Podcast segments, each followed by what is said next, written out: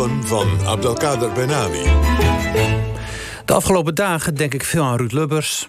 en ik denk ook aan de handtekening van mijn moeder. Afgelopen week verschenen de memoires van Ruud Lubbers... waarin hij de periode van 1992 tot 1995 beschrijft. Een belangrijke tijd, ook voor mij...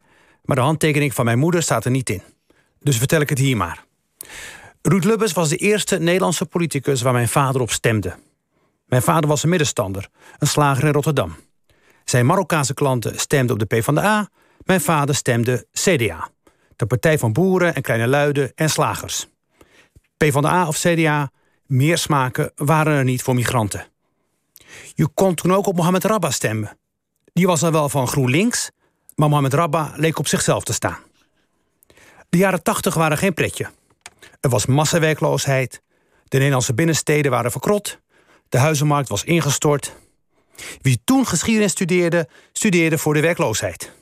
Het is een wonder dat sommige van die studenten het hebben geschopt tot presentator bij OVT Radio. De inflatie was torenhoog, de rente op de hypotheek ook. Vergeleken bij de jaren 80 is dit coronajaar een feestje.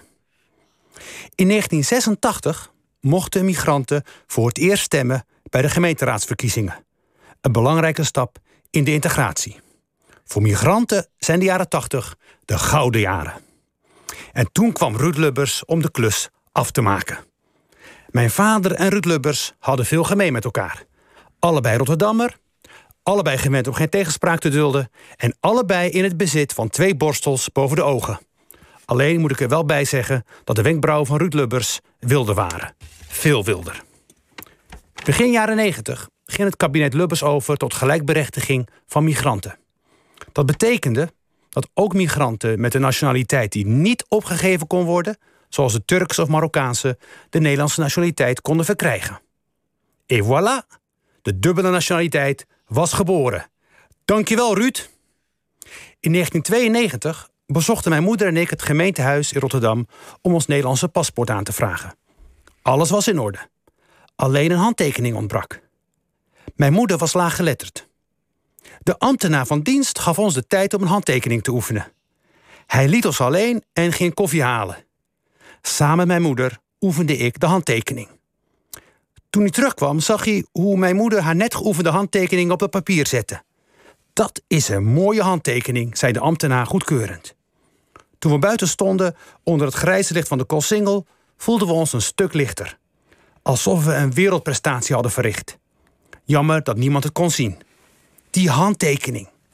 Die was een beetje van mijn moeder, een beetje van mij en een beetje van Ruud Lubbers.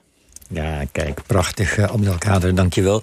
Ging het dan ook zo ver dat je moeder bijvoorbeeld een fotootje van Ruud uit de krant knipte en op de ijskast hing?